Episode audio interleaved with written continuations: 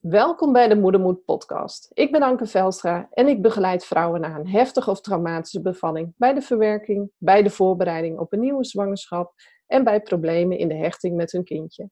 In deze podcast deel ik de naakte waarheid over zwanger zijn en bevallen. Vandaag in deze podcast het verhaal van Jessica. Jessica is twee keer bevallen en heeft helaas twee keer een heftige ervaring meegemaakt. Tijdens de eerste zwangerschap kreeg ze te maken met preeclampsie die al snel overging in help. En waren het met name de gebeurtenissen die ze meemaakte die de bevalling heftig maakten. De tweede bevalling omschrijft Jessica als een killer keizersnede en zat het er meer in de communicatie en hoe er met haar werd omgegaan. Hoi Jessica, welkom. En wat fijn dat je vandaag je verhaal uh, met ons wilt delen. Ja, hoi. Hoi. ja, nog altijd, hè? Ja. ja. Ja, maar voordat wij uh, met je verhaal aan de slag gaan, misschien zou je eerst even heel kort willen voorstellen, zodat we je een klein beetje kunnen leren kennen. Ja, uh, nou, ik ben dus uh, Jessica, ik ben 36 jaar, ik ben getrouwd en ik heb twee kinderen. eentje van 4,5 en de andere is net 2 geworden. Ja. Twee, jongen, twee jongens. Twee jongens, oh, wat ja. heerlijk. Ja, ja. hey, en um, zoals ik in de intro al vertelde, eindigde jouw zwangerschap deze keer in preeclampsie en uiteindelijk in help. Uh, dat is best wel een hele serieuze complicatie om mee te maken, die ook heel gevaarlijk kan zijn voor jou als moeder, maar ook voor het kindje. Hoeveel weken ja. zwanger was je op dat moment toen dat gebeurde? Ik was uh, 37 weken zwanger. Oké, ja. dus echt op het laatst van de zwangerschap toen dit ja. gebeurde. Ja, ja klopt. En um, hoe kijk je eigenlijk terug op je zwangerschap voordat dit gebeurde? Heb je een goede zwangerschap gehad? Uh, ik had op zich uh, een goede zwangerschap. Uh, wat kleine, kleine dingetjes. in het begin best wel wat, wat buikpijn gehad onder in mijn buik, zeg maar. Mm -hmm. ik heb een staand beroep. Okay. Dus dat was ja, de hele dag staan eigenlijk. Mm -hmm. Dus dat was al vrij snel dat dat toch best wel pittig was. Yeah. Um, toen bleek ik dus toch ook best wel wat spataderen te hebben, zeg maar. Yeah. En ik had zelf eigenlijk niet zoveel door dat dat ik, ik, ja, het was mijn eerste zwangerschap. Dus ik dacht, mm -hmm. ja, dat hoort er allemaal gewoon bij. Ja. Uh, totdat mijn verloskundige zei van, nou, laat me eens eventjes kijken. Ze zei, oh, nou, je moet hier wel echt eventjes mee weg. Want uh, je moet gewoon steunkousen, zeg maar. Dus dat was eigenlijk uh, het eerste ongemak wat bij mijn zwangerschap kwam kijken. En dat ging eigenlijk best wel goed nadat ik die steunkousen had. Ja. Um, maar ik bleef lage buikpijn houden. Uh, dus toen uh, is mijn urine gecontroleerd en uh, toen werd er gezegd van nou, je hebt een blaasontsteking. Mm -hmm. en later bleek dat bij mij de GBS-bacterie was geconstateerd, zeg maar. Oh, ook nog? Ja. Ja. ja. Dus dat was, ja, die uitslag kreeg ik van de huisarts en die zei van nou ja, je moet dit gewoon even bespreken met je verloskundige. Er is eigenlijk niet zoveel aan de hand. dus dat bespreek je bij je volgende afspraak. Maar ja, dat ja. duurde nog eventjes. Ja. Dus je gaat dan toch uh, het leuke uh, wereldwijde web op om te kijken, mm -hmm. wat is die GBS-bacterie nou precies? Ja. En dan schrik je toch eigenlijk wel een beetje. Uh, in die zin dat ja, als het niet ontdekt is, ja, kindjes toch wel ernstig ziek kunnen worden, zeg maar, ja. door die GBS-bacterie. Want je geeft het eigenlijk door tijdens je bevalling. Ja. Um, uh, dus daar, uh, daar, heb ik me eigenlijk wel een beetje op ingelezen. En toen mm -hmm. uh, dacht ik wel van oké, okay, dus het is eigenlijk heel goed dat ik dit nu weet. Ja. want dan kunnen we daar ook iets mee. Ja. Nou, dat bevestigde eigenlijk ook de verloskundige toen we daar op gesprek gingen. Van nou ja, kijk, we weten dit nu. Betekent wel dat je medisch wordt nu op dit moment. Ja. en dat je uiteindelijk zult overgedragen worden aan het ziekenhuis. Want ja, we adviseren dan een ziekenhuisbevalling uh, met een uh, antibiotica-infuus. Om ja. te zorgen dat er eigenlijk die bacterie niet uh, ja, wordt overgedragen aan je kindje tijdens de bevalling. Ja, en dat doen ze pas op het moment dat je bevalt, toch? niet van tevoren ja. al antibiotica. Nee. nee. nee. ja, er zijn twee versies van. Er zijn geloof ik wel huisartsen die het van tevoren toch toeschrijven. Maar mm -hmm. de resultaten daarvan die zijn heel wisselend. Uh, dus als je hem eenmaal draagt, en uh, ik, bij mij was het heel duidelijk, een, uh, ze noemen dat een zware kolonisatie, zeg maar. veel bacteriën aanwezig, zeg maar. Ja, ja, dan is het eigenlijk zo van, je moet dit gewoon, tijdens de bevalling moet het gewoon behandeld worden en krijg je echt een infuus, zeg maar. Ja, ja. ja. oké. Okay. Ja. Dus dat was al een eh, stap waarvan je dacht, hmm, oké. Ja, ja, dan denk je wel van, oké, nou ja, dat, de, ik had wel zoiets van, nou, dan, dan is dat zo, zeg maar. Je moet, ja, ik had natuurlijk wel goed ingelezen, dus ik had wel zoiets van, nou, het is inderdaad beter dat ik dit nu weet. Ja. eh, en dat we er iets mee kunnen doen. Ja. Eh, ziekenhuisbevalling, eh, ja, oké. Ehm, dat zat altijd wel een beetje in mijn achterhoofd, van dat het misschien inderdaad wel, toch misschien voor mezelf ook prettig zou zijn om in het ziekenhuis te bevallen. Ja. Ik had redelijk wat verhalen uit mijn omgeving van mensen die thuis wilden bevallen. En dan uiteindelijk toch in het ziekenhuis eh, belanden, zeg maar, om verschillende redenen. Dat ik dacht van ja, als dat bij mij gebeurt, ik ben wel iemand die daar best wel van eh, onder de indruk kan zijn. Zo Ja. hals over kop eh, ineens huis moeten verlaten en dergelijke. Dat ik Ja. dacht van nou, misschien is het dan inderdaad maar goed dat dit nu dan zo bepaald wordt eigenlijk. Ja. Natuurlijk heb je altijd vrije keuze, maar we waren daar als, ja, als stel, ik voor mezelf, maar mijn man natuurlijk ook, zo van nou nee, dan gaan we dit advies volgen en we gaan gewoon in het ziekenhuis bevallen en Ja. we gaan het op deze manier doen, zeg maar. Ja. Ja. En hoeveel weken was je toen ongeveer zwanger toen je dit hoorde? Eh, dat was, eh, ik denk rond de 24, 25 weken zo ongeveer. Oké, dus je moest Ja. eigenlijk ook nog wel een behoorlijk stuk op dat moment. eh, ja. Ja. ja.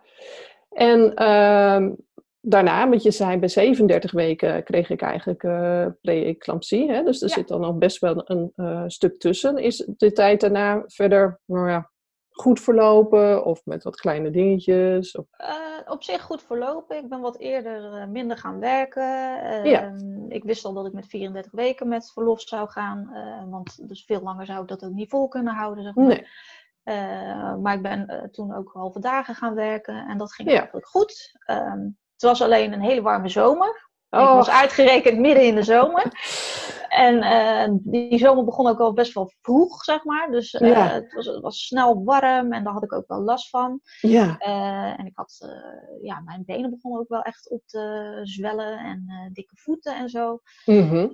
En eh, naarmate die 37 weken naderden, zeg maar, had ik al wel anderhalve week, denk ik, dat ik me niet zo lekker voelde. Ik was toen net overgedragen, met 36 weken werd ik overgedragen aan het ziekenhuis. Eh, Ja. Dus dan eh, krijg je natuurlijk eerst nog wekelijks gewoon een controle. Ja. Eh, maar ze kennen je daar niet. Ehm, mijn bloeddruk die begon wel op te lopen. Ik had voor mezelf een hele lage bloeddruk, bloeddruk zeg maar, tijdens de zwangerschap. En ook voor de zwangerschap eigenlijk. En die begon nu toch al wel op te lopen. Maar ja, voor hun niet alarmerend.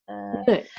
Ehm, later denk ik wel van ja, misschien was dat voor mij al wel, denk ik, het start zijn van dat het niet helemaal goed ging. Mhm. Ehm, en eigenlijk een paar dagen voordat ik ben opgenomen, toen kreeg ik wel een beetje een soort griepgevoel. Eh, ik voelde me niet lekker. Ik was ook echt wel opgeblazen. Dat mijn ouders ook zeiden van, nou, goh, je, hè, je, Ja. je hebt het wel zwaar, denk ik, weet je wel zo. En, ehm, en toen eigenlijk eh, de dag voordat ik werd opgenomen, werd ik s'nachts had ik echt eh, heel veel pijn in mijn schouders.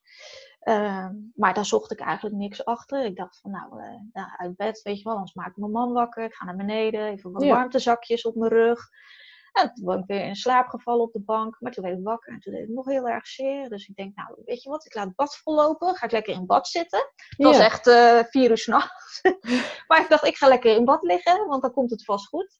Ja. En eh, toen eh, kwam mijn man ineens de badkamer in, want die moest naar het toilet. En die, zegt, die schrok eigenlijk een beetje. Wat doe jij nou in het bad? Ik zeg, ja, ik heb zo last van mijn rug en zo.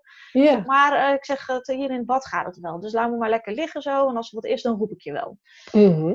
Dus ben ik weer uit bad gegaan, eh, weer naar beneden op de bank gaan liggen. En toen werd ik op een gegeven moment misselijk. En eh, toen moest ik dus ook gaan overgeven.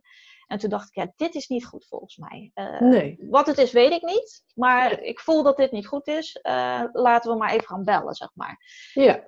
Dus toen mijn man heeft geroepen, dus die is gaan bellen. En die heeft uitgelegd natuurlijk van wat ik voelde. Die, die pijn tussen mijn schouderbladen en overgeven. En toen was het van, nou kom maar deze kant op. Ja. En dus naar het ziekenhuis, zeg maar. Ja. Dus eh, nou ja, wij eigenlijk in onze zondagsoutfit in de auto Ja. gestapt. Zonder tas, want ik was eigenlijk in de veronderstelling, ik heb gewoon een griepje. En eh, Ja. ze geven me daar misschien wat pijnstilling die ik mag als zwangere. En dan ga ik gewoon weer naar huis. Ja. Ja. Ehm, dus we kwamen daar aan. eh, ik met mijn bakje nog voor me zo, want zo misselijk was ik. Ja. Ja, kom maar mee. Uh, is moeder, moeder- en kindcentrum waar ik naartoe ging, zeg maar. En ja, we hebben al een kamertje voor je, ga maar even liggen. Ja. Dan ga ik even infuusje voor wat vocht, hè, want je bent aan het overgeven geweest. Dus dan gaan we gewoon even je vocht en we gaan even bloed prikken. En kijk even of je kan plassen. Nou, dat ging heel moeilijk. Ehm, dus daar, ja, wel iets, maar daar kon ze dus wel wat mee. En, en toen was het afwachten. Dus mijn man die was alvast even naar buiten gegaan om een stresssigaretje te roken. en ja, precies op dat punt kwamen ze natuurlijk terug. En uh, toen was het van, uh, van, ja, dit is niet goed. Uh, je hebt zwangerschapsvergiftiging, uh, ja. preeclampsie. Maar ik geloof eigenlijk niet dat ze dat op dat moment echt het zo noemen. Het was echt zwangerschapsvergiftiging. Ik wist ook dat ik wist wat dat was. ja, ik had daar wel wat over gelezen, maar echt exact wist ik niet helemaal precies. Nee. Ehm, en dat werd eigenlijk ook vrij simpel uitgelegd van ja, uh, je moet gewoon gaan bevallen nu. Hè? Je, je, kindje moet gewoon gaan komen. Je bent 37 weken, dus het is ook veilig om je nu uh, gaan, te gaan inleiden. Dus dat is eigenlijk wat we gaan doen. We gaan je meenemen naar een bevalkamer. En uh, ja, we gaan je inleiden.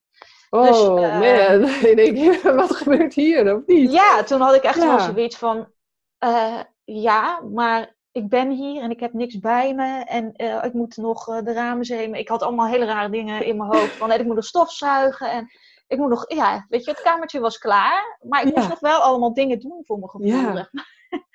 en ik had natuurlijk niks bij. Ik had de kleren voor, voor ons kindje, zeg maar, op dat moment nog helemaal niet ingepakt. Voor mezelf niet. En nee. ja, oh. dan, dan, denk je echt van, oké, en nu? ja. ja, ja, het overvalt je dan wel het even. Het overvalt je echt, inderdaad. Ja, en, uh, ja. Maar het was echt heel duidelijk van, ja, maar je gaat gewoon niet meer naar huis. Je blijft hier, zeg maar. Dus, ja. Uh, dus toen werd ik tussen de twee zusters in eigenlijk meegenomen naar mijn nieuwe kamer. Uh, en ondertussen was mijn mannen nog niet. Dus die, terwijl ik werd geïnstalleerd in die nieuwe kamer, hoorde ik ineens iemand op de gang roepen, waar is mijn vrouw? dus ja. ja. dus die, ik zeg van, oh, ga maar even snel naar hem toe. Want ik zeg, want die schrikt natuurlijk nu dat ik niet op de kamer lag waar ik net eerst lag. Uh, dus die zag ook wel in mijn ogen natuurlijk de paniek. Dus uh, nog even kort uitgelegd aan hem natuurlijk van wat de bedoeling was. En uh, toen was het ook gelijk van, ja, ze moet een katheter. En daar zag ik heel erg tegen op. Dat wilde ik eigenlijk ook helemaal niet. En mijn man wist dat gelukkig heel goed. En die is heel mhm. assertief. Dus hij zei ook gelijk van, wat als we dat nou niet gaan doen? Ja. Oh, nou, dat hadden ze blijkbaar nog niet zo vaak gehoord. Dat iemand zei van, uh, ja, en wat als we dat nou niet willen, zeg maar. Nou, dat moesten we even gaan overleggen. Uh, ik begrijp het ook wel, want het was natuurlijk gewoon protocol. Mm -hmm. dit, dit hè, preeclampsie is vastgesteld, dit gaan we nu doen en dit is het protocol wat we volgen met patiënten. Uh, dus we moesten even gaan overleggen en toen kwamen ze terug van, nou, het mag, je hoeft geen katheter, maar dan moet er wel echt heel goed bijgehouden worden van wat drink je en wat komt er weer uit. Dat moeten jullie dan heel goed noteren. Prima, gaan we doen. Uh, dus dat hebben we eigenlijk ook uh, zo op die manier opgelost. Dus zo kon ik nog wel in het begin in ieder geval, uh, was ik gewoon nog wat mobieler. Ja.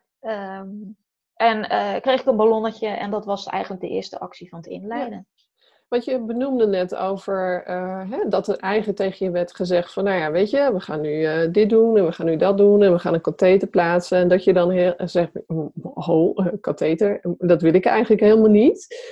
Um, ik denk dat dat een heel mooi voorbeeld is van hoe, hoe jij weer de regie pakte zelf. Hè? Dat je niet alles liet gebeuren. Die katheter zag je zo tegenop, dat wilde je eigenlijk niet. Ja. En dan blijkt dus ook, uh, officieel horen ze je daar ook voor toestemming te vragen, maar dat wordt wel eens vergeten. um, maar dan blijkt dus ook dat als je daar de regie pakt en zegt van ja, ho, wacht eens even, die katheter die wil ik helemaal niet. Uh, dat er dan vaak ook ruimte is om van een protocol af te wijken. Hè? Uh, Zodat het voor jou veel beter aanvoelt op die manier. Dus uh, ik denk dat dat ook heel belangrijk is voor de vrouwen die deze podcast nu terugluisteren. Dat je door dat soort dingen eigenlijk, oké, okay, je moet de controle op dat moment loslaten. Je had die preeclampsie, je moest blijven in het ziekenhuis. Je ging je bevalling inleiden, omdat het anders gewoon voor jullie beiden niet veilig meer was om zo langer door te gaan. Uh, maar toch, met dit soort kleine dingetjes kun je dan wel de regie weer pakken. Ja. ja. ja. Ja, ja. eigenlijk uh, heel bewonderenswaardig dat je dat eh, hebt gedaan zo en voor jezelf daarin bent opgekomen. Ja, nou bij mij hielp het ook vooral dat mijn man uh, daarin ook gewoon heel erg wist wat mijn angst daarvoor was. Ja. Uh, en uh, ik heb gewoon een hele assertieve man, die ook wel wat ziekenhuiservaring heeft. Dus die weet ook wel, zeg maar, van ja, je hoeft niet alles wat er gezegd wordt tegen je direct te doen. Je mag dingen ook in discussie stellen, zeg maar. Van ja. ja, maar eigenlijk zie ik dit niet zitten. kan het misschien anders? Of ja. kan het misschien ook gewoon niet, zeg maar. Hè? Dus ja. um, ik ben zelf vrij snel onder de indruk van ziekenhuizen. Mm -hmm. uh, en zeker op dat moment. Ik had ook niet zoveel ziekenhuiservaring, zeg maar. Um, dus ja, dan ben je eigenlijk best wel overdonderd. En dan kan ik me voorstellen dat ook als je partner overdonderd is, dat er dan dingen inderdaad gebeuren die je achteraf denkt, zeg maar, van ja, maar misschien hadden we gewoon moeten vragen van of dat eigenlijk wel nodig was. Ja. dus uh, in die zin denk ik dat het goed is om daar inderdaad van tevoren misschien ook al bij, bij stil te staan. Van, van wat wil je dan absoluut niet? Of waar zie je heel erg tegen op? Stel dat er wat gebeurt in je zwangerschap. Uh, zodat je er misschien ook al een beetje over nagedacht hebt en op voorbereid bent, zeg maar. Ja, nou en toevallig ben ik vorige week daarvoor in de, de, ook de literatuur gedoken, wat je nu eigenlijk zegt. Uh, en daar heb ik in een andere podcast uh, ook over gesproken.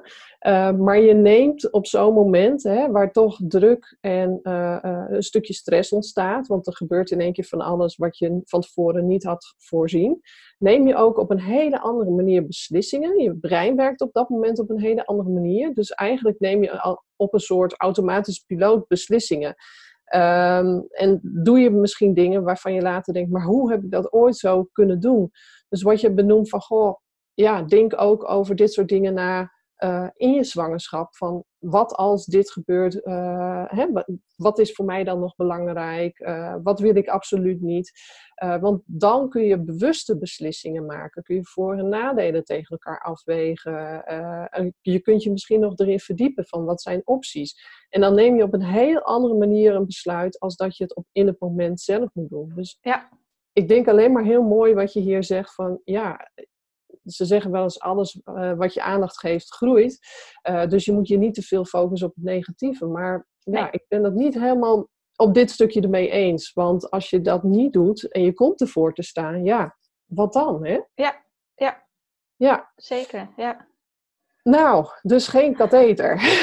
Geen katheter, nee. Uh, heel braaf bijgehouden wat ik dronk en ja. wat er weer uitkwam. dus dat hebben we eigenlijk. ik ben zondagochtend vroeg uh, in het ziekenhuis beland, inderdaad. En uh, in de middag het ballonnetje gekregen. En zo ja. gingen we eigenlijk de avond in. En er werd ook gezegd van nou, we laten dit gewoon rustig zo zitten. Het kan zijn dat hij er zelf uitvalt. Het kan zijn dat we morgenochtend tijdens de eerste ronde eruit gaan halen, zeg maar. En dan gaan we gewoon even kijken hoe het er dan mee staat en hoe we verder ja. gaan. Ja. dus zo ging ik eigenlijk de avond in. Mijn man natuurlijk snel naar huis om allerlei spullen te pakken. Terwijl ik aan de telefoon moest proberen uit te leggen van wat hij dan mee moest nemen. Uh, dus dat was ook best wel uh, grappig om, uh, ja. om op die manier uit te leggen welke babykleertjes, welke babykleertjes dan mee moesten nemen en dat soort dingen, zeg maar. Dus nou, hij heeft alles zo goed mogelijk proberen te doen. Ja. En toen, toen hij terugkwam met alle spullen, zeg maar, dan, ja, dan voel je ook wat meer op je gemak, omdat je gewoon je eigen spullen bij je hebt. En je weet van oké, okay, nu is alles hier. Ja. Ja. En s'avonds zijn mijn ouders zelfs nog even op bezoek geweest. Ja, ik voelde me dat was natuurlijk het, het rare ervan. Ik was ziek, maar ik voelde me eigenlijk helemaal niet zo ziek. Okay. Ik lag natuurlijk wel in bed. Uh, had ik waarschijnlijk gestaan of rondgelopen, had ik misschien veel makkelijker gevoeld van hé, hey, het gaat echt niet zo goed. Maar toen ik eenmaal het infuus had gekregen en magnesiuminfuus ook kreeg, ja. Um, ja, had ik niet het gevoel van ik voel me ziek of iets dergelijks. Er werd af en toe wel uh, door een zuster tegen me gezegd van nou, uh, je moet wel echt rustig aandoen. Uh, maar ja, ik heb s'avonds gewoon nog zitten lachen met mijn ouders, bij wijze van spreken, zeg maar. Dus ja, ja, ja. voor mijn gevoel was er niet zoveel aan de hand. Alles met de baby ging ook goed, hè, want je wordt natuurlijk voortdurend gemonitord. Ja. maar dat ging eigenlijk allemaal hartstikke goed. Dus ja, op dat moment maakte ik mezelf ook nog niet zo zorgen. Ik bedoel, nee. in het begin schrik je heel erg, maar daarna ja, kom je een beetje tot rust en denk je van ja, nou, het gaat goed met de baby. Met mij gaat het op zich eigenlijk best wel goed. Ondanks dat je bent opgenomen. Dus ja, we gingen eigenlijk best wel rustig de nacht in. Um, en de volgende ochtend inderdaad het ballonnetje eruit. En toen werd ook gezegd van, nou ja, we gaan nu wel verder met die inleiding. Want ja, je lijkt er wel klaar voor. Ja. Uh, je hebt een klein beetje ontsluiting, dus we kunnen nu wel, uh, wel verder gaan. Uh, dus we komen straks met de tweede controles, gaan we je verliezen breken.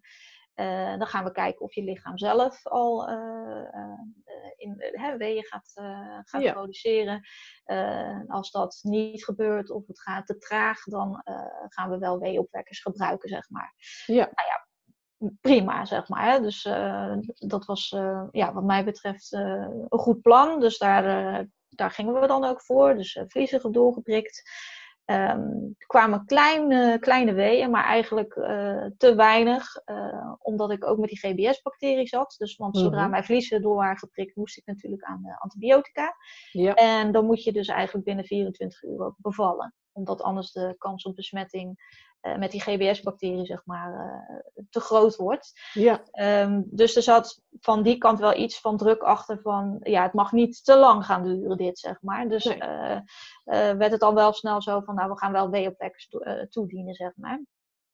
Dus dat gebeurde en nou ja, dat ging eigenlijk de eerste uur best wel goed. Um, alleen op een gegeven moment kwamen ze toch redelijk snel achter elkaar en had ik nog niet zoveel ontsluiting. Mm-hmm. Um, in principe wilde ik niet echt een, uh, ja, had ik de wens eigenlijk om geen pijnbestrijding te gebruiken als dat niet nodig was. Maar ik merkte wel van, nou, dit ga ik niet volhouden om dat niet te doen, zeg maar. Uh, dus de opties besproken. Nou, een ruggenprik zag ik niet zitten. Uh, dus toen hebben we voor remifentanil gekozen, een pompje. Uh, yep. Wat je dan zelf kunt toedienen tussen de wee door eigenlijk. Um, dus dat gebruikt. Uh, ik moet er ook even bij zeggen, ik kon eigenlijk niks, omdat ik aan twee armen aan een infuus lag. Aan de ene kant lag ik met vocht en antibiotica, en aan de andere kant lag ik met magnesium. Dus ik kon niet echt van houding wisselen. De, de houding die ik had was gewoon liggend op mijn rug. Ja. En ik merkte dat die weeën opvangen daarin, gewoon, dat, dat was gewoon heel lastig en pijnlijk, zeg maar. Ja, dat is het. Ik heb dat zelf ook gehad. En, en, en je ligt dan ook nog eens aan allemaal extra draadjes voor de monitoring ook. Om, ja. Omdat je ja. zelf natuurlijk ook ziek bent. Dus ze willen alles ja. wel goed in de gaten houden. En je kunt inderdaad gewoon geen kant op. Ik, ik vond dat echt verschrikkelijk. Uh, ja, ik kan me er wel iets bij voorstellen hoe dat voor je moet zijn geweest. Ja, ja. dus... Uh dus ja, eigenlijk had ik zoiets van, nou, die remifentanil, dat, uh, dat is dan misschien een uitkomst, zeg maar. Ja. Um, ondertussen was ik al wel, uh, kwamen ze regelmatig bloed prikken en was er uh, inmiddels wel het HELP-syndroom geconstateerd. Dus het ging langzaamaan okay. wel steeds slechter met me eigenlijk. Um, en door die remifentanil te gebruiken, dat was heel fijn, alleen ik zakte daardoor steeds verder weg. En zo ver weg dat ik ook niet meer ademhaalde tussendoor. Dus ik werd elke keer door de verpleegster en mijn man echt een soort van wakker geschud. Zo van ademhalen, ademhalen. Oh, uh, dus dat was op, wel een beetje beangstigend. Uh, ja. Op dat moment denk je alleen maar op als je op dat moment weg denk je van, oh zo, ik voel niks meer. En ja, dan zag je het zokje helemaal weg. Alleen ik ging een beetje te ver weg. Ja. Uh, en uh, later begreep ik dat dat ook wel een bijwerking is van okay. fentanyl. Uh, in combinatie met magnesium infuus. Daar kun je ook, ook, behoorlijk van, van wegzakken, zeg maar. Ehm, maar ja, op dat moment ja, heb je dat eigenlijk niet zo door. En, nee. nou ja, voor, ik merkte op een gegeven moment wel in de ogen van mijn man en van de verpleegster van ja, dit gaat gewoon niet de goede kant op. Hè, dit, dit gaat niet goed. Uh, ik bleef op 5 centimeter ontsluiting steken en dat bleef eigenlijk uren zo. Uh, terwijl ik daar eigenlijk, uh, ja, eigenlijk steeds slechter bij kwam te liggen. Ja. Um, dat eigenlijk tegen de avond, zeg maar, de gynaecoloog ook aan mijn bed verscheen van ja, nou, dit, dit gaan we gewoon niet meer verder doen. We gaan jouw kindje halen. we gaan een keizersnede doen nou ja, op dat moment denk je, ja, moest ik natuurlijk huilen, want ik dacht van ja, keizersnede, jeetje. Hè, dan moet ik een keizersnede. En dat, ja, dat, dat komt dan wel even aan. Maar ja, ik wist ook wel van ja, zo, zo gaat het ook niet. Hè? Nee. dit gaat gewoon niet meer zo. Dus oké, keizersnede. Dus ja, we moeten wel de OK tweede team op gaan roepen. Dus er was blijkbaar al een team bezig. Dus we moesten wel nog moeite even doen om iedereen bij elkaar te krijgen. Dus ja, je moet nog heel even volhouden. Ja. En dan moet je je zo halen. We gaan je man alvast meenemen, die gaan we voorbereiden. Dus dat, vond ik, dat, dat moment vond ik ook wel heel erg dat mijn man weg moest. Want ja, dat was kan wel echt ja, dat is op dat moment is dat, was dat gewoon mijn rots, uh, weet je wel. ja. Als ik hem maar kon aankijken en zijn hand kon pakken, dan, uh, dan had ik het idee van, nou, dan kon ik het nog wel. Ja. Dus die moest weg. En um, uh, op het moment dat ik toen gehaald werd, toen werd er ook gelijk gezegd van, ja, we gaan ook geen ruggenprik meer doen, want je bloedplaatjes zijn nu zo laag, dat wordt te risicovol. dus je gaat onder narcose. Zo. Oké. dus dat... En dat, dat werd je verteld toen je man al weg was? Ja, ja. Dus je kon dat ook niet meer met hem delen op dat moment? Nee, nee ik kon dat niet oh. delen. Dus ik werd eigenlijk, ze zijn het eigenlijk min of meer terwijl ik de, de kamer werd uitgereden, zeg maar. En nog steeds extreme uh, weeën had die echt heel snel achter elkaar kwamen. Dus ik moest ook echt moeite doen om ze op te kunnen vangen. Ik, uh, ik wist echt niet meer waar ik het, uh, waar ik het had op dat moment.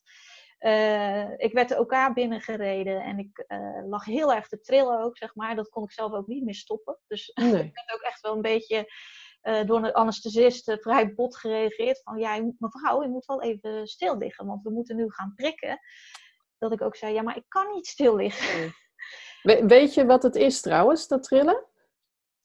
ik denk, op, op dat moment had ik het niet door, maar ik denk dat het richting, toch een beetje richting een ging, zeg maar. Okay. Uh, vanwege de, uh, ja, de, de help. maar, en de, ja. de, de help, zeg maar.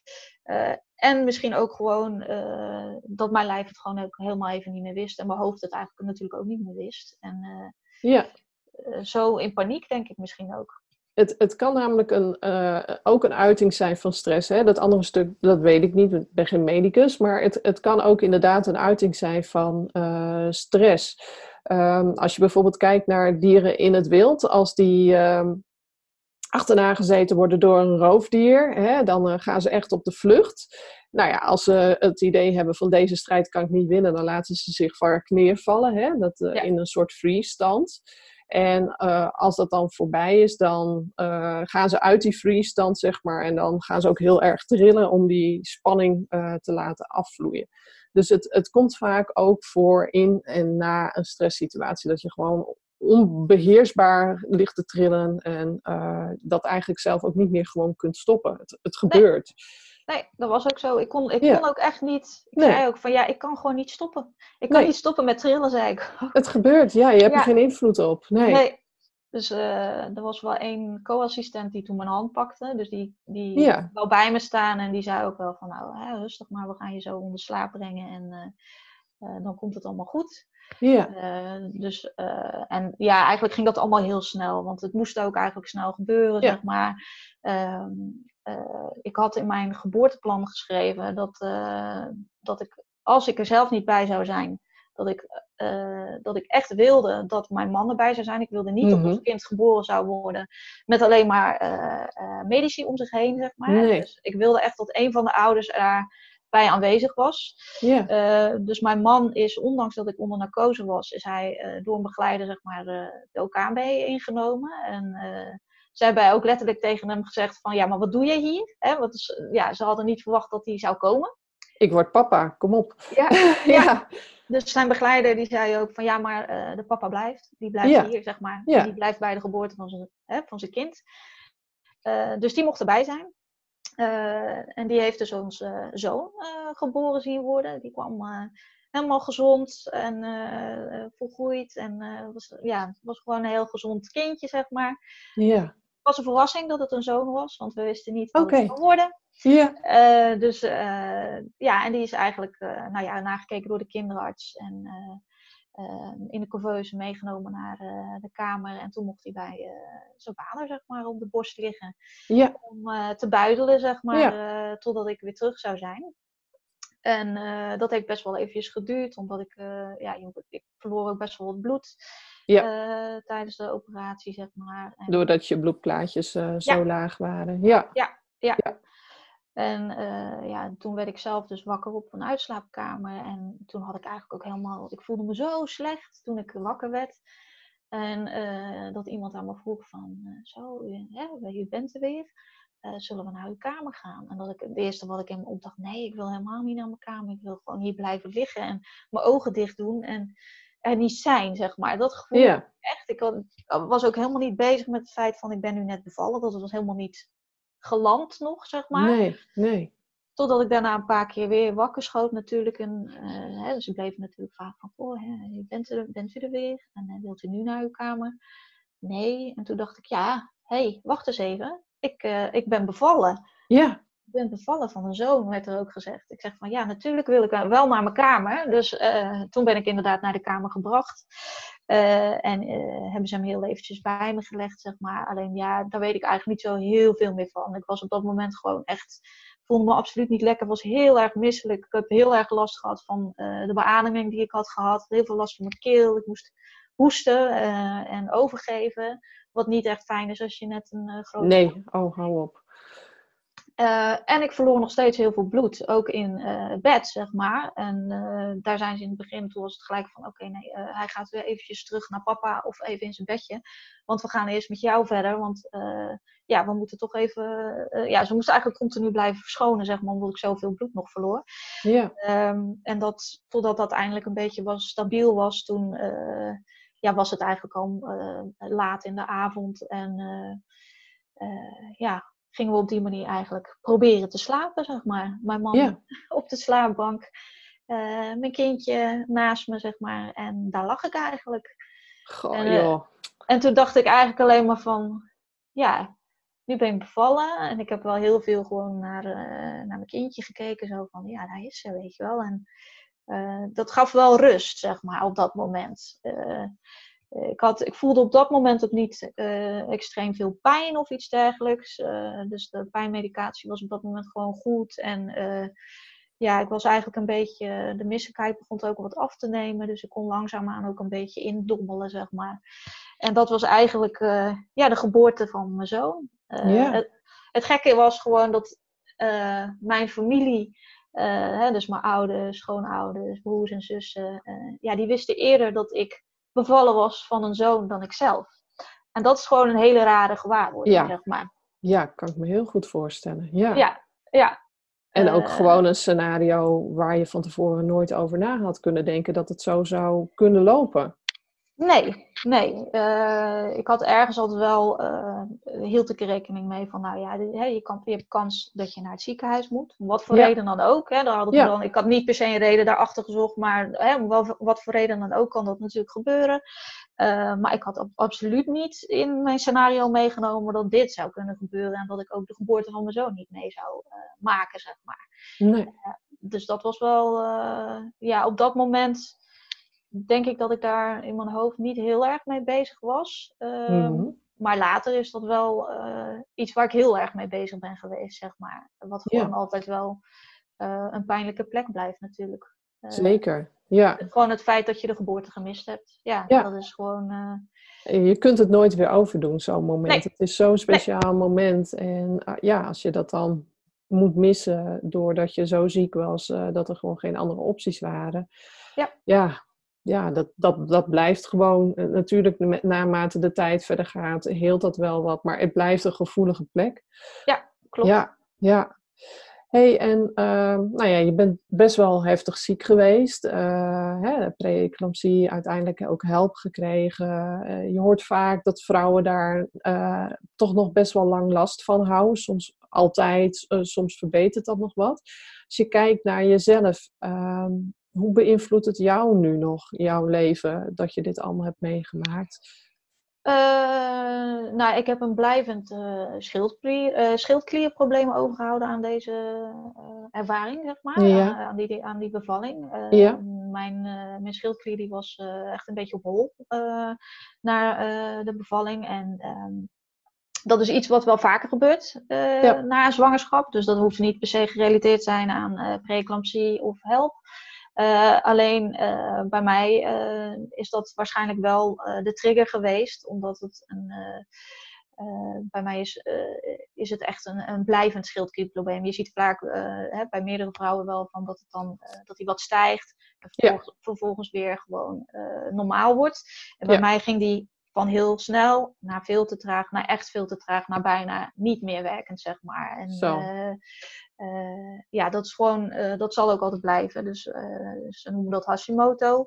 En dat wordt meestal wel door iets getriggerd. Hè? Dus door een, ja, iets, iets wat je hebt meegemaakt in je lijf, wat het kan triggeren, zeg maar. En dat is waarschijnlijk dus bij mij dan de bevalling geweest. Ja. en daar zijn ze ook pas na een half jaar achter gekomen hoor. Dus Oké. ik werd wel, eh, ik was wel onder controle natuurlijk. Dus ik moest Mhm. zoveel tijd bloed prikken. bloed prikken. Ehm, en toen wisselde het eigenlijk nog te sterk om te zeggen van nou ja, misschien dat het zich nog wel herstelt. Eh, tot er echt een paar weken tussen zat. Het, eh, en dat ik toen echt zoiets had van ja, ik, ik denk dat ik gewoon gek word. Want als ik nu, als nu blijkt dat ik niks heb, dan weet ik niet waarom ik me zo voel. Nee. Eh, en ehm, toen bleek inderdaad later, toen belde mijn internist van, ja, je voelt je vast niet zo lekker. Je bent waarschijnlijk heel erg moe. Ik zeg, ja, dat klopt. Hij zegt, ja, het gaat nu inderdaad niet goed met je, eh, met je schildklier en je moet nu ook echt gelijk aan de medicatie. Hij zegt, want eh, dit gaat je lijf niet meer zelf oplossen. Eh, want je schildklier doet gewoon bijna niks meer. En Ja. ja, hoe ik dat merkte, ik was heel erg moe. Ehm, ik had het ontzettend koud. Eh, ik lag echt in bed met een pyjama aan en drie dekens over me heen en warmtezakjes. En nog steeds had ik het koud. Zo. Ehm, ik was eh, heel emotioneel. Eh, dan zul je zeggen van ja, dat hoort ook bij zo'n heftige bevalling. Ehm, maar bij mij duurde het voor mijn gevoel vrij lang. En ehm, had ik het idee dat het in het begin even wat beter werd. En daarna zakte dat weer. had ik het idee van ja, ik word, ik word weer steeds emotioneler. Ehm, terwijl ik dat een paar weken geleden niet was, zeg maar. Hè? Dat ik juist Ja. zag van nou, het gaat steeds wat beter. Ik kan het wel iets makkelijker loslaten, zeg maar. Ik kan er wat Ja. beter over praten. Ehm, dus dat gaf wel aan van ja, er, er gaat volgens mij gewoon iets niet goed in mijn lijf. Waardoor ik me dus ook zo voel. Ehm, en eh, nou ja, dat bleek achteraf ook. En dan is het wel fijn dat je te horen krijgt van ja, er is... Aan de ene kant wil je eigenlijk natuurlijk niet dat er iets mis is. En wat, dat er iets blijvends mis is met je. Eh, maar aan de andere kant geeft het wel de bevestiging van... Hé, hey, je bent niet gek. Eh, er is inderdaad gewoon iets aan de hand. Ja. Ehm, en dat moeten, daar moeten we iets mee gaan doen, zeg maar. Ja. En eh, toen je daar meer in stabiliseerde met medicatie, voelde je je toen ook anders daarin worden? Oké. Ja. Ja, het is wel zo dat dat vrij lang geduurd heeft. eh, voordat ik echt stabiel eh, was met die medicatie. Dus Ja. het heeft echt wel meer dan een jaar geduurd. Zo, dat is wel behoorlijk Eh, lang. Ja, en ja, je hoort dat wel vaker met schild, schildklierpatiënten, zeg maar, dat het toch best wel wat tijd kost om in te stellen. Ja. Ehm, en ja, helemaal de oude, dat kan ik mezelf niet noemen. Niet alleen door de schildklier, maar ik denk ook nog wel wat, wat, wat restverschijnselen van, eh, van het help gewoon. Eh, Ja. Dus wat, eh, ja, wat meer concentratieproblemen, woordvindingsproblemen, ehm, makkelijker in de stress schieten van iets. Ja. Dat zijn allemaal denk ik wel overblijfselen die gerelateerd zijn aan mijn ervaring. Ja. Ehm, daarnaast heb ik eh, ehm, eigenlijk eh, vlak, eh, vlak na de bevalling, zeg maar, had ik zoveel vocht dat mijn netvlies ook had losgelaten. Dus ik kon de eerste dagen eigenlijk niet eens goed zien. Ehm, en dat is uiteindelijk weer helemaal hersteld. Dat is weer netjes op zijn plaats gaan liggen, zeg maar. Maar dat duurde ook een aantal maanden voordat dat weer helemaal netjes hersteld was. Ja. En daar heb ik in die zin. Eh, ik kon al niet zo goed tegen fel licht, maar dat is wel erg geworden, zeg maar. Dus echt felle zon en eh, TL-lichten en zo, daar heb ik heel snel last van. Ja. Ja, dat, dat is gewoon ook iets blijvends, wat ja, gevoeligheid van mijn ogen, zeg maar. Ja. Ja. Ja, goh. Nog best wel wat dingen heb je eraan overgehouden, zo te horen. hè? Ja, Ja. ja. jammer genoeg wel. Ja. Alleen eh, op dit moment eh, ja, gaat het gewoon best goed eigenlijk. Ja. Dus eh, met de medicijnen voor mijn schildklier ook. Dat gaat eigenlijk best wel stabiel de afgelopen jaren. Ja. Ehm, ik voel me ook wel steeds wat energieker. Ik merk ook wel dat die concentratieproblemen zeg maar, wel wat beter worden, zeg maar. Dus in het begin had ik echt heel erg problemen met mijn concentratie ergens bijhouden. Ik kon geen boeken lezen, Nee. Films kijken en dergelijke. Daar kon ik ook niet echt mijn concentratie bijhouden. Heel snel afgeleid. En dat gaat nu, dat is nu 4,5 jaar geleden, zeg maar. Ja. Ehm, gaat het eigenlijk steeds beter. En merk ik ook dat ik kan nu weer, ik heb nu voor het eerst weer boeken gelezen en dat gaat goed. Ehm, dus ik merk wel ja, dat, dat je lijf op een of andere manier toch ook wel die tijd nodig heeft om te herstellen. En dat sommige dingen ook echt wel beter worden. Ja. Ik wil niet zeggen dat dat natuurlijk voor elke vrouw is die dit heeft meegemaakt. Uh, maar misschien wel een beetje voor, een hoop voor de vrouwen die uh, nog niet zo lang geleden uh, preeclampsie hebben meegemaakt. Of zelfs het HELP-syndroom. Ehm, ja, dat, dat er echt wel kans is op dat het allemaal gewoon langzaamaan steeds wat beter wordt. Ja, ja, ik denk dat dat heel fijn is om te horen. Hè? Dat het inderdaad uh, heel veel tijd nodig uh, heeft, het herstel. Uh, omdat nou ja, best wel heel wat gebeurd is in je lijf toen je zo ziek was. Ja. Hè? En zeker als je voelt van hé, hey, op dit moment wil het nog niet. Hè? Dat het later toch alsnog wel weer een stuk kan verbeteren. Ja. En nou ja, dit was natuurlijk een enorm heftige ervaring. En heel vaak hoor je dan van vrouwen, als ze zo'n ervaring hebben meegemaakt, dat uh, ze heel erg bang zijn om het nog een keer aan te durven. Hè? Bang voor dat het weer een herhaling wordt. Jullie hebben het nog wel een keertje aangedurfd. En ik ben wel heel erg benieuwd van wat hebben jullie daarvoor nodig gehad? En hoe hebben jullie dat aangepakt? Uh, ja, nou, uh, voordat we natuurlijk überhaupt aan uh, een zwangerschap begonnen, of de wens voor een kindje, zeg maar, eh, ja, dan bespreek je ook met elkaar van, nou ja, hoe, hoe, zie je, hè, hoe zie je dan de toekomst voor je? Zie je dan met één kind of met twee kinderen, als je dat gegund is, of misschien wel met drie of vier? En daar hadden wij de wens wel in om in ieder geval, als het ons gegund was, twee kindjes, zeg maar. Um, dus die wens was er al überhaupt voordat er een zwangerschap aan de orde was. En um, nou, na die heftige ervaring, zeg maar, um, dan ben je in het begin natuurlijk eigenlijk daar alleen maar mee bezig. En op een gegeven moment begint dat allemaal een beetje op een, een plekje te krijgen. En dan denk je van ja, ik, wil, uh, uh, ik wil hier wel uh, nou ja, de wens komt dan eigenlijk weer een beetje naar boven, uh, zeg maar. En op dat moment worstel je natuurlijk met angst en die wens. Uh, Op het mhm. moment dat de angst groter is dan de wens, dan, dan ja, stop je die wens eigenlijk wat verder weg. Maar ehm, ja, die wens kwam elke keer eigenlijk bij mij dan wel vooral naar boven, zeg maar. ik denk als, mijn man, als ik tegen mijn man had gezegd van nou, ik doe dit gewoon nooit meer. Dat hij had gezegd van nou, oké, dan hè, dan houden we het gewoon bij één kind. Hè. We hebben een gezond kind, een gezonde jongen en dan is het goed zo. Uh, maar ik had wel heel erg die wens voor een tweede. En uh, ik ben toen heel erg bij mezelf nagegaan van ja, wat heb ik nodig om een tweede zwangerschap met vertrouwen aan te gaan. Ja. Um, toen ben ik ook gaan zoeken.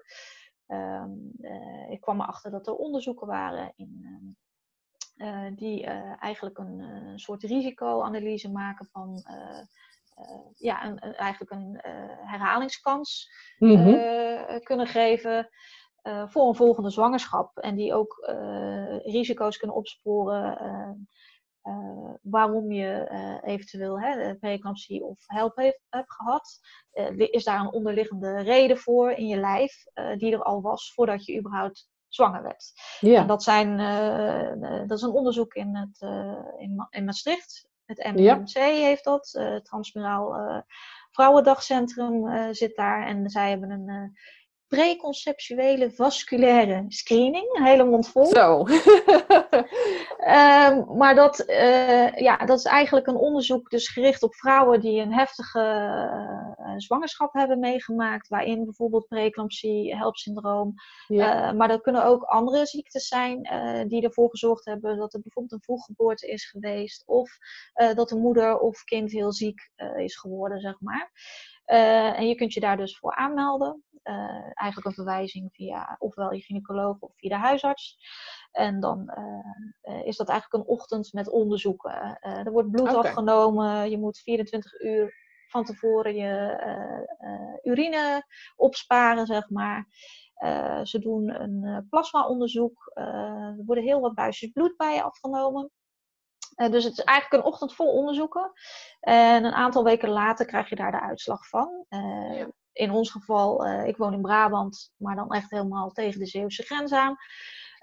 dus ik vond het prima om dat telefonisch de uitslag te krijgen in plaats van weer helemaal terug naar Maastricht ja. voor de uitslag. Ehm, en bij mij bleek eigenlijk ja, dat ik gewoon pech had gehad. Hm. Ehm, er werd niks duidelijks gevonden in mijn lijf waarom ik dan uh, preeclampsie en later ook help zou ontwikkelen.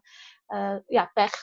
Ja. Uh, in verhouding met andere vrouwen die het nooit hadden meegehad, was mijn risico ietsje verhoogd, omdat ik het één keer hè, al had ontwikkeld.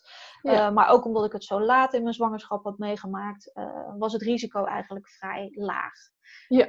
Um, dus dat zorgde er wel voor dat ik dacht: oké, dus eigenlijk is mijn lijf functioneert verder goed. Ja. Uh, daar zit niks uh, achter waarom ik het nu eigenlijk weer zou ontwikkelen. Uh, en dat heeft er eigenlijk wel voor het grootste deel voor gezorgd dat ik dacht van oké, dit, dit durven we wel weer aan.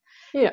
in samenhang met de goede begeleiding die daar dan ook bij zou zijn. Ja. Um, nu was het natuurlijk ietsje spannender, ehm, sowieso omdat ik al schildkliepatiënt was. en op het moment dat je dat bent en je bent zwanger, dan uh, is het nodig om zo snel mogelijk je dosis te verhogen. Omdat je kindje natuurlijk in het begin heel erg afhankelijk is van jou. Ja. Ja. Uh, dus ook qua schildklierhormoon. Dus op het moment dat je dat zelf te weinig aanwezig hebt in je lijf, ja, moet je wel zorgen dat het op peil is voor je kindje. Zodat die zich ook gewoon goed kan ontwikkelen. Ja. dus dat was wel iets van, ja, dat, dat moest ik gewoon heel goed in de gaten houden. Van ja, op het moment dat ik weet dat ik zwanger ben, dan moet ik gelijk eh, contact opnemen met de huisarts en moet gelijk mijn dosis verhoogd worden. Dus eh, eh, dat was gewoon heel anders dan de vorige zwangerschap ja. al. Ja. Want dan heb je daar helemaal niks mee te maken eigenlijk. Nee. daarnaast had ik als advies gekregen om inderdaad calcium te slikken vanuit Maastricht. En ook de Ascal, zeg maar. Oh ja, ja Ascal is een, een, een lichte bloedverdunner, geloof ik, hè? Ja, klopt. Dus die zorgt ervoor dat eigenlijk uh, de toevoer naar de placenta uh, zo goed mogelijk is.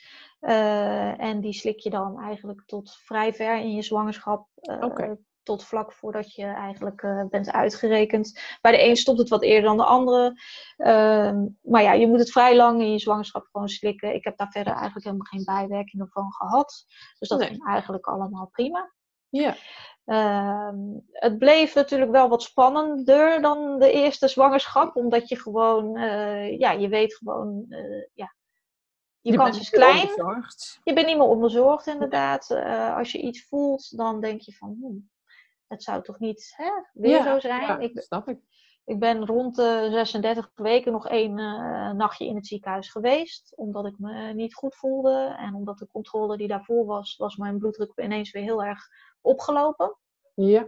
Um, en eigenlijk was dat nog niet echt alarmerend volgens de controles en de gynaecoloog.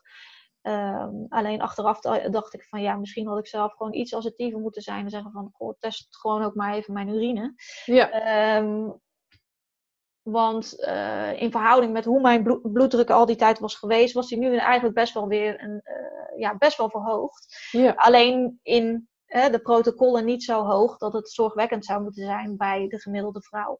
Zeg ja. Maar. Uh, uh, en zo denk ik dat, dat me dat eigenlijk een avondje ziekenhuis misschien had kunnen besparen. Op het moment dat, het, dat er gewoon even net iets meer tijd en rust was genomen om mij ja. heen te praten en eventueel een extra onderzoekje te doen. Om me gerust te stellen van hé, hey, er is niks aan de hand. Uh, we houden je gewoon beter onder controle nu eventjes en het is goed zo. Ja. Um, dus ehm, maar ik heb dus nog een avondje inderdaad eventjes aan controles gelegen. En uh, eigenlijk was mijn bloeddruk toen gewoon alweer goed. En uh, ook niks in de urine gevonden. De baby deed dat nog steeds hartstikke goed. Ja. Dus ik kon weer naar huis. Uh, en eigenlijk wachten op de, de komst van ons kindje. Er stond wel een, een keizersnede gepland. Mm ik ben ook twee keer nog getest op zwangerschapssuiker. Omdat ze dachten dat het een heel groot kind was. uh, dus dat, uh, ja, dat, maar dat was elke keer negatief, die test. Uh, Dat was gewoon goed eigenlijk. Ja. maar ja, beter checken dan, hè, dan dat het straks inderdaad echt een heel groot kind zou worden. En dat er misschien andere risico's bij kwamen kijken. Ehm, mijn gynaecoloog had eigenlijk het idee om voor de kerst al in te gaan leiden. of in ieder geval de geplande keizersnede gaan doen. Want ik had wel gezegd van nou, één ding wil ik echt nooit meer. En dat is een inleiding. Mm -hmm. um, dus uh, wat we ook gaan doen, dat wil ik niet. dus het wordt of een vaginale bevalling in het ziekenhuis, als dat zo gaat. Ja, of het wordt een geplande keizersnede. En ik had ook afgesproken van, ook als die vaginale bevalling voor mijn gevoel niet goed dat ik op elk moment zou mogen vragen om een keizersnede. Ja. Uh, dus die afspraak hadden we al. Uh, ik vond het te vroeg om uh, voor de kerst eigenlijk al, en dat zou dan met 37 weken weer zijn, om die keizersnede in te gaan. Ik zeg ja, ik wil gewoon wel mijn kindje de tijd geven om zichzelf aan te kondigen. Ja. En ik heb het gevoel, als we dat nu gaan doen, ja, dan, heeft hij daar, dan is hij daar eigenlijk ook natuurlijk nog niet klaar voor met 37 weken. dus toen hebben ze dat eigenlijk over het nieuwe jaar heen getild. de datum gepland. En ja, er gebeurde eigenlijk niks. Dus uh, mijn kindje zat gewoon super fijn nog in mijn buik en uh, die vond het allemaal wel prima. Ja. Dus de dag van de geplande keizersnede kwam en we gingen weer richting het ziekenhuis. Ja. Ja. En deze keizersnede, die omschrijf je zelf als een hele kille keizersnede. Wat, wat maakte deze keizersnede voor jou zo kil? Um, dat had vooral te maken met de, de sfeer in de OK, zeg maar. Dus mm -hmm. uh, als je voor voor een geplande keizersnede komt, dan uh, word je eigenlijk ook gewoon eerst naar een kamer gebracht. Hè? Dat is je kamer. Je kunt je spullen neerzetten. Uh, je kunt nog even rustig uh, een muziekje luisteren om een beetje tot rust te komen. En dat had ik ook allemaal gedaan. En dan ja. Ja, wacht je eigenlijk op het moment dat je geroepen wordt van ja, nu gaan we naar beneden. Nu gaan we, nu gaan we de keizersnede doen. Ja. En nou ja, dat, dat, ik was eigenlijk best wel rustig. Natuurlijk ben je, is het spannend. Maar mm -hmm. ik, ik, ik had best wel ja, ik, ik, ik, had er wel vertrouwen in, zeg maar. Uh, en ik was ja. vrij rustig op dat moment. Uh, nou, toen uh, werd er gezegd van, nou oké, okay, ze zijn klaar voor je. We gaan je naar beneden brengen. Je man gaat met mij mee. die gaat zich klaarmaken. Bij de ruggenprik zal die er niet zijn. want daar mag, hè, daar mag dan geen familie bij zijn. Dat doen we zeg maar zonder. En op het moment dat, jij, dat die werkt, die, die ruggenprik, dan komt je man erbij, ja. zeg maar. Oké, okay, prima. Uh, dus op met bed naar beneden en uh, toen reden we de OK binnen.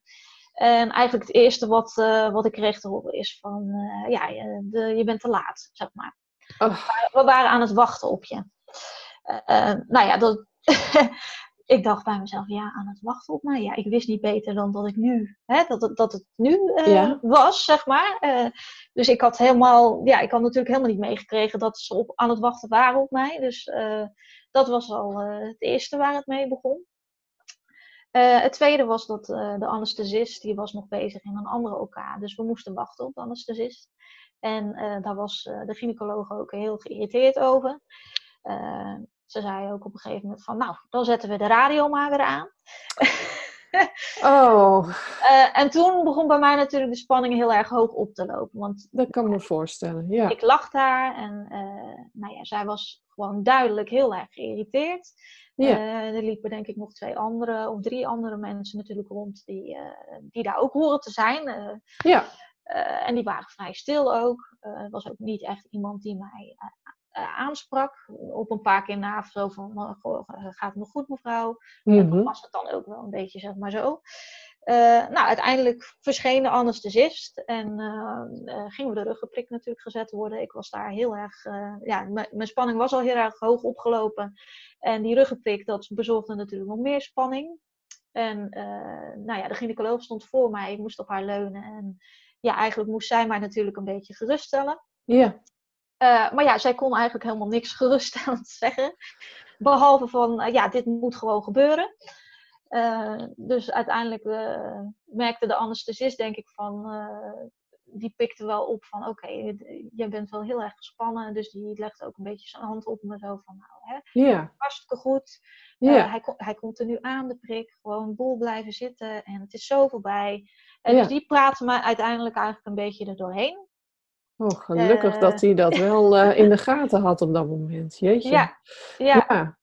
En uh, nou ja, dan mag je natuurlijk gaan liggen en dan is het wachten tot eigenlijk die, die rugprik natuurlijk voldoende werkt. Nou, bij mij ja. was het ook zo dat die uh, niet voldoende werkte.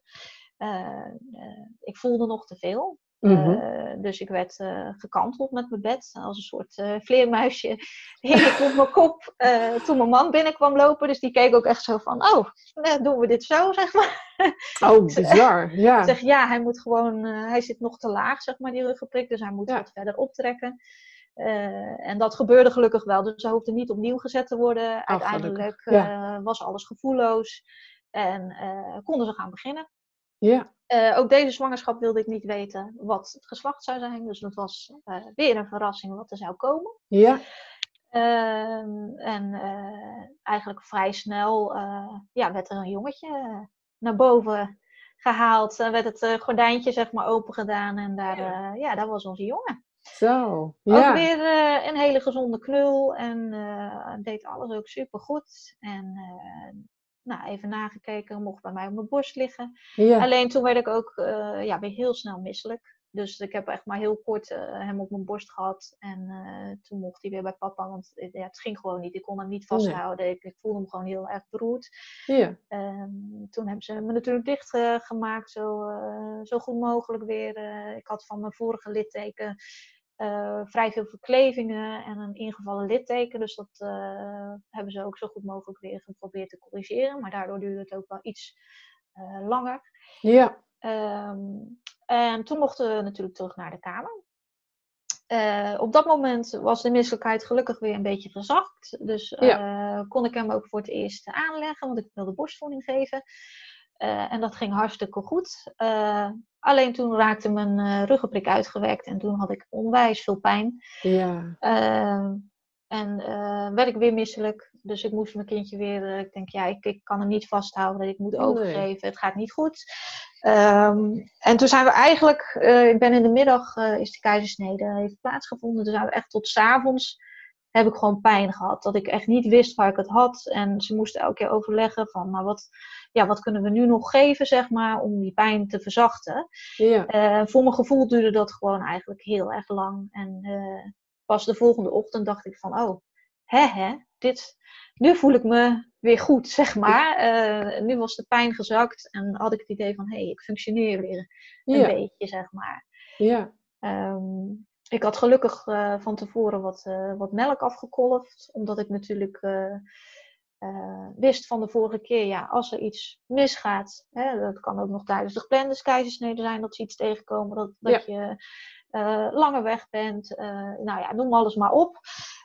dus ik had van tevoren ja, zomaar wat kleine hoeveelheidjes gekolfd eigenlijk, zodat de eerste melk gewoon ook wel mijn moedermelk zou zijn. Ja. Op het moment dat ik hem niet zelf kon voeden. Ja. En die hebben we dus ook wel nodig gehad, omdat ik gewoon uh, na dat één keer aanleggen, ja, kon ik hem gewoon niet meer vastpakken. Dus nee. uh, heeft hij uiteindelijk een paar keer uh, wat moedermelk gehad van mijn man via een ja, fingerfeeding noemen ze dat dan. Hè? Dus ja. met een spuitje langs de, de pink van zijn vader, zeg maar. Ja, ja. ja. Dus echt ontzettend goed voorbereid, zoals ik dat hoor deze keer. Van hè, de dingen die de vorige keer mee zijn gebeurd door de omstandigheden, dat, dat wil ik eigenlijk niet weer. Dus uh, ja. Ja. Ja. ja hey, en we zijn bijna aan het einde gekomen van de podcast. Ik ben nog wel benieuwd um, wat jij zou willen delen met uh, de luisteraars van deze podcast. Heb je nog een aantal tips of inzichten die je zou willen meegeven aan ouders of moeders die in een soortgelijke situatie zitten? Uh, nou, ten eerste denk ik dat het heel belangrijk is dat je erover blijft praten. Uh, uh, ik, merk, uh, ik heb zelf gemerkt dat het soms lastig is om uh, in je omgeving over te praten, omdat ja, je hebt dit meegemaakt samen met je partner vaak. Ja. hoe je partner dat ervaart, ja, dat kan ook allemaal heel wisselend zijn. Ehm, Zeker, ja. dus ik heb er wel veel over gepraat met mijn man. Ehm, en dat is gewoon heel fijn. Uh, Dat je gewoon iemand hebt waar je mee kan praten die erbij is geweest. Ja. Um, daarnaast heb ik uh, uh, ook wel laagdrempelige hulp gezocht. ik heb een, een, vrouwelijke coach bij mij thuis gehad voor één sessie. Ja. Um, die eigenlijk mijn bevalling met me doornam. En die eigenlijk ook een een soort herbeleving uh, van een bevalling die ik graag zou willen hebben gehad, uh, hebben gesimuleerd, als het, eigenlijk, als het ware, eigenlijk nagespeeld, min of meer. Ehm, dat was fijn. Uiteindelijk heb ik daar achteraf minder aan gehad dan ik dacht op dat moment. want bij mij kwam er eigenlijk meer naar boven dat ik dacht van ja, maar dit is niet hoe het is gegaan. Dus mhm. ik, uh, en dat kwam eigenlijk daardoor nog meer naar boven, zeg maar. Van ja, de bevalling die ik gewenst had, die is het niet geworden. Want, en dit is het geweest. En ik heb de bevalling eigenlijk niet meegemaakt. Um, ik ben bij een, uh, een psycholoog geweest. Uh, Eigenlijk ook op aanraden van uh, de gynaecoloog en de huisarts die bij mij eigenlijk dachten aan een PTSS. Ehm, dat gevoel had ik zelf niet, want ik was niet neerslachtig. Uh, ik had een goede band met mijn kind. Ik was eh, super blij met mijn kind.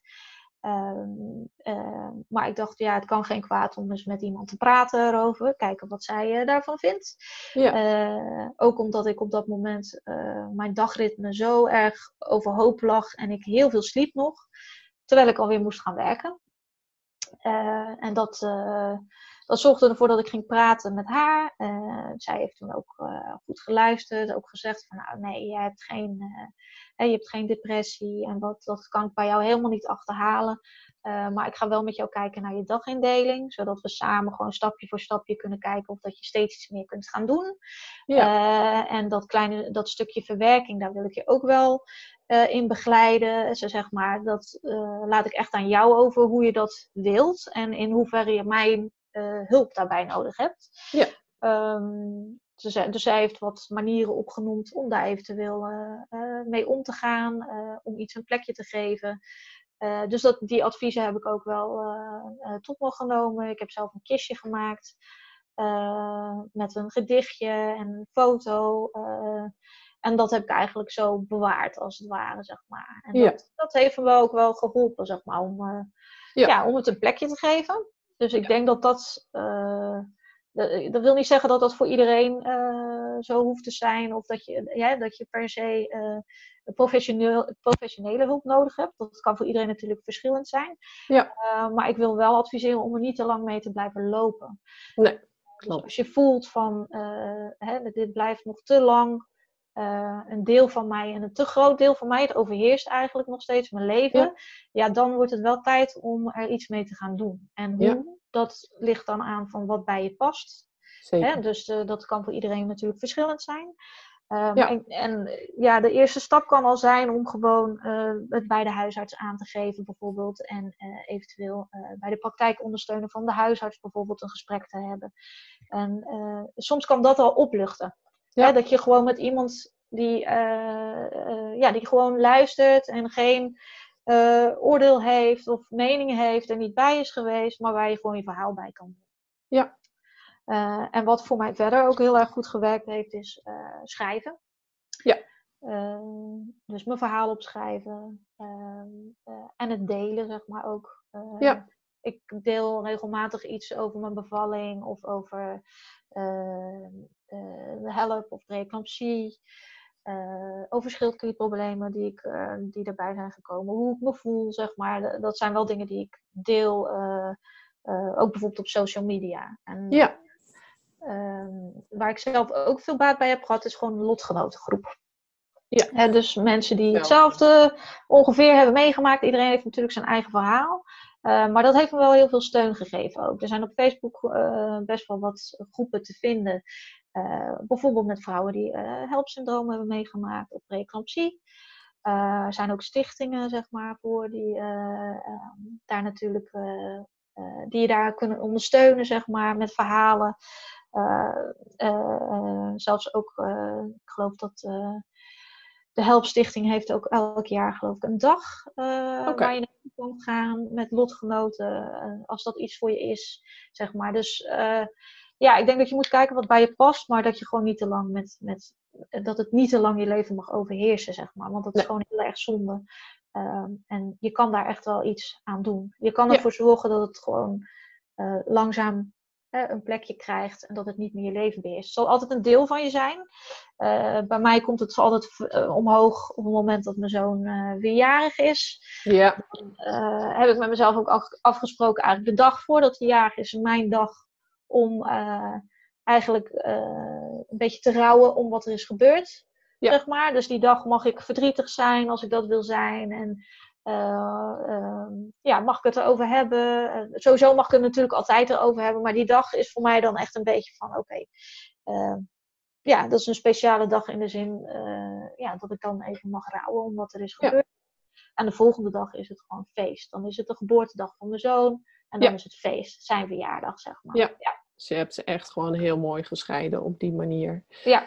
Ja, nou ja, hè, wat, wat ik vanuit mijn uh, expertise ook kan zeggen. Hè, je zegt al van blijf er niet te lang mee omlopen als je gewoon voelt dat het je, je leven beheerst. Hè, wij hanteren meestal zes tot acht weken. In heel veel gevallen is tijd een belangrijke factor. En merk je ook wel naarmate de tijd verder gaat dat dingen uh, makkelijker worden, uh, hè, dat het wat inzakt. Maar als je merkt, na nou, zes tot acht weken van het is nog steeds even heftig als aan het begin, of misschien zelfs heftiger, er wordt nog meer, uh, komt er omhoog.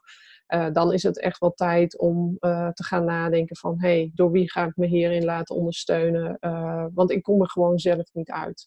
Ja. dus dat is wel een hele belangrijke richtlijn daarin. Ja. Um, ik uh, ben je natuurlijk ook tegengekomen op, uh, op Instagram. Uh, zodoende zit jij nu in mijn podcast je verhaal te vertellen. Um, je deelt best wel regelmatig wat, hè? dat zei je zelf ook wel op Instagram, over wat je hebt meegemaakt, met de fotootjes erbij, een stukje verhaal. Um, waar kunnen mensen jou volgen op Instagram als zij geïnteresseerd zijn? Uh, ik ben bekend onder de naam uh, Huismus 2.0. ja. Want ik ben echt een huismus. Ik ben graag thuis. Uh, ja. En dus vandaar de naam eigenlijk. Ja. en daar kun je me volgen. ook als je ja, het fijn vindt om bijvoorbeeld nog aan de hand van deze podcast ook met mij ergens over te praten. Of ja, dan mag altijd. ik sta open voor berichtjes. Dus je kunt me altijd gewoon een persoonlijk berichtje via Instagram sturen. Ehm, dat vind ik eh, allemaal prima. Dus eh, is helemaal goed. Ehm, wat ik nog wel ook nog graag even wilde zeggen is werkgerelateerd, zeg maar, in, in je herstel. Um, is neem daar ook de tijd voor. ik moest uh, voor mijn gevoel vrij snel weer aan het werk, terwijl ik me eigenlijk nog helemaal niet lekker voelde. ik sliep nog heel veel en toch kreeg ik een bedrijfsarts die kwam bij me langs. En um, werkte eigenlijk weer een beetje hetzelfde als in het ziekenhuis. Dat je denkt van ja, had ik nou maar dit of had ik nou maar dat gevraagd of gezegd. Want ik mhm. stemde overal mee in met wat hij zei. En mhm. dat was eigenlijk van nou, je mag nog twee weken thuis blijven en dan ga je voor langzaam weer beginnen. Uh, en we bouwen het wel rustig op. En bij mij heeft dat uiteindelijk echt het, uh, het uh, een hele verkeerde manier van opbouwen geweest. want ik ben uiteindelijk echt anderhalf jaar bezig geweest totdat ik weer hersteld was op mijn werk. Zo. Omdat ik gewoon veel te snel weer begonnen ben en er veel te veel weer van me gevraagd werd. Ja. Ehm, dat is natuurlijk deels omdat je daarin gepusht wordt. Deels misschien omdat ik zelf niet uh, assertief genoeg ben geweest om te zeggen van hé, hey, maar dit gaat helemaal niet goed zoals we het nu doen. Ehm, dus dat wil ik wel nog heel erg meegeven aan, uh, aan vrouwen die, uh, die gewoon ook nog maar kort dit hebben meegemaakt. Uh, en die straks weer moeten gaan werken, of misschien ben je net alweer aan het werk. Let heel goed op jezelf. En uh, geef gewoon echt op tijd aan als het niet gaat. En dat is helemaal niet erg. Uh, Liever dat je gewoon een herstel hebt wat gewoon langzaam opbouwt. En dat je inderdaad komt tot dat punt dat je weer helemaal hersteld bent. dan dat je in een soort achtbaan gaat waarbij je elke keer weer een diep dal hebt. Omdat je gewoon veel te snel dingen wilt gaan doen. Uh, dat kan uit jezelf komen, dat kan ook eh, achter druk zitten natuurlijk van je werkgever. Maar let, let gewoon heel goed op jezelf. Dat wil ik gewoon meegeven. Uh, dat je gewoon op tijd aan de bel trekt en gewoon je tijd neemt voor je herstel. Echt op alle vlakken, zeg maar. Ja. Nou, ik denk nog een hele waardevolle toevoeging zo op het laatst. Dankjewel. Ook heel erg bedankt voor dit gesprek. Ik vond het heel mooi om je verhaal te horen uh, en dat je dat ook wilde delen in deze podcast. Want ik weet zeker dat uh, heel veel vrouwen in een soortgelijke situatie hier enorm veel steun weer uit kunnen halen. Uh, hoe jij het allemaal hebt gedaan, maar ook hoe je toch weer een tweede zwangerschap hebt aangedurfd. Ehm, dus ja, alleen maar heel erg bedankt daarvoor. En ook de luisteraars natuurlijk uh, bedankt voor het luisteren weer naar deze podcast. En uh, nou, heel graag tot een volgende podcast weer.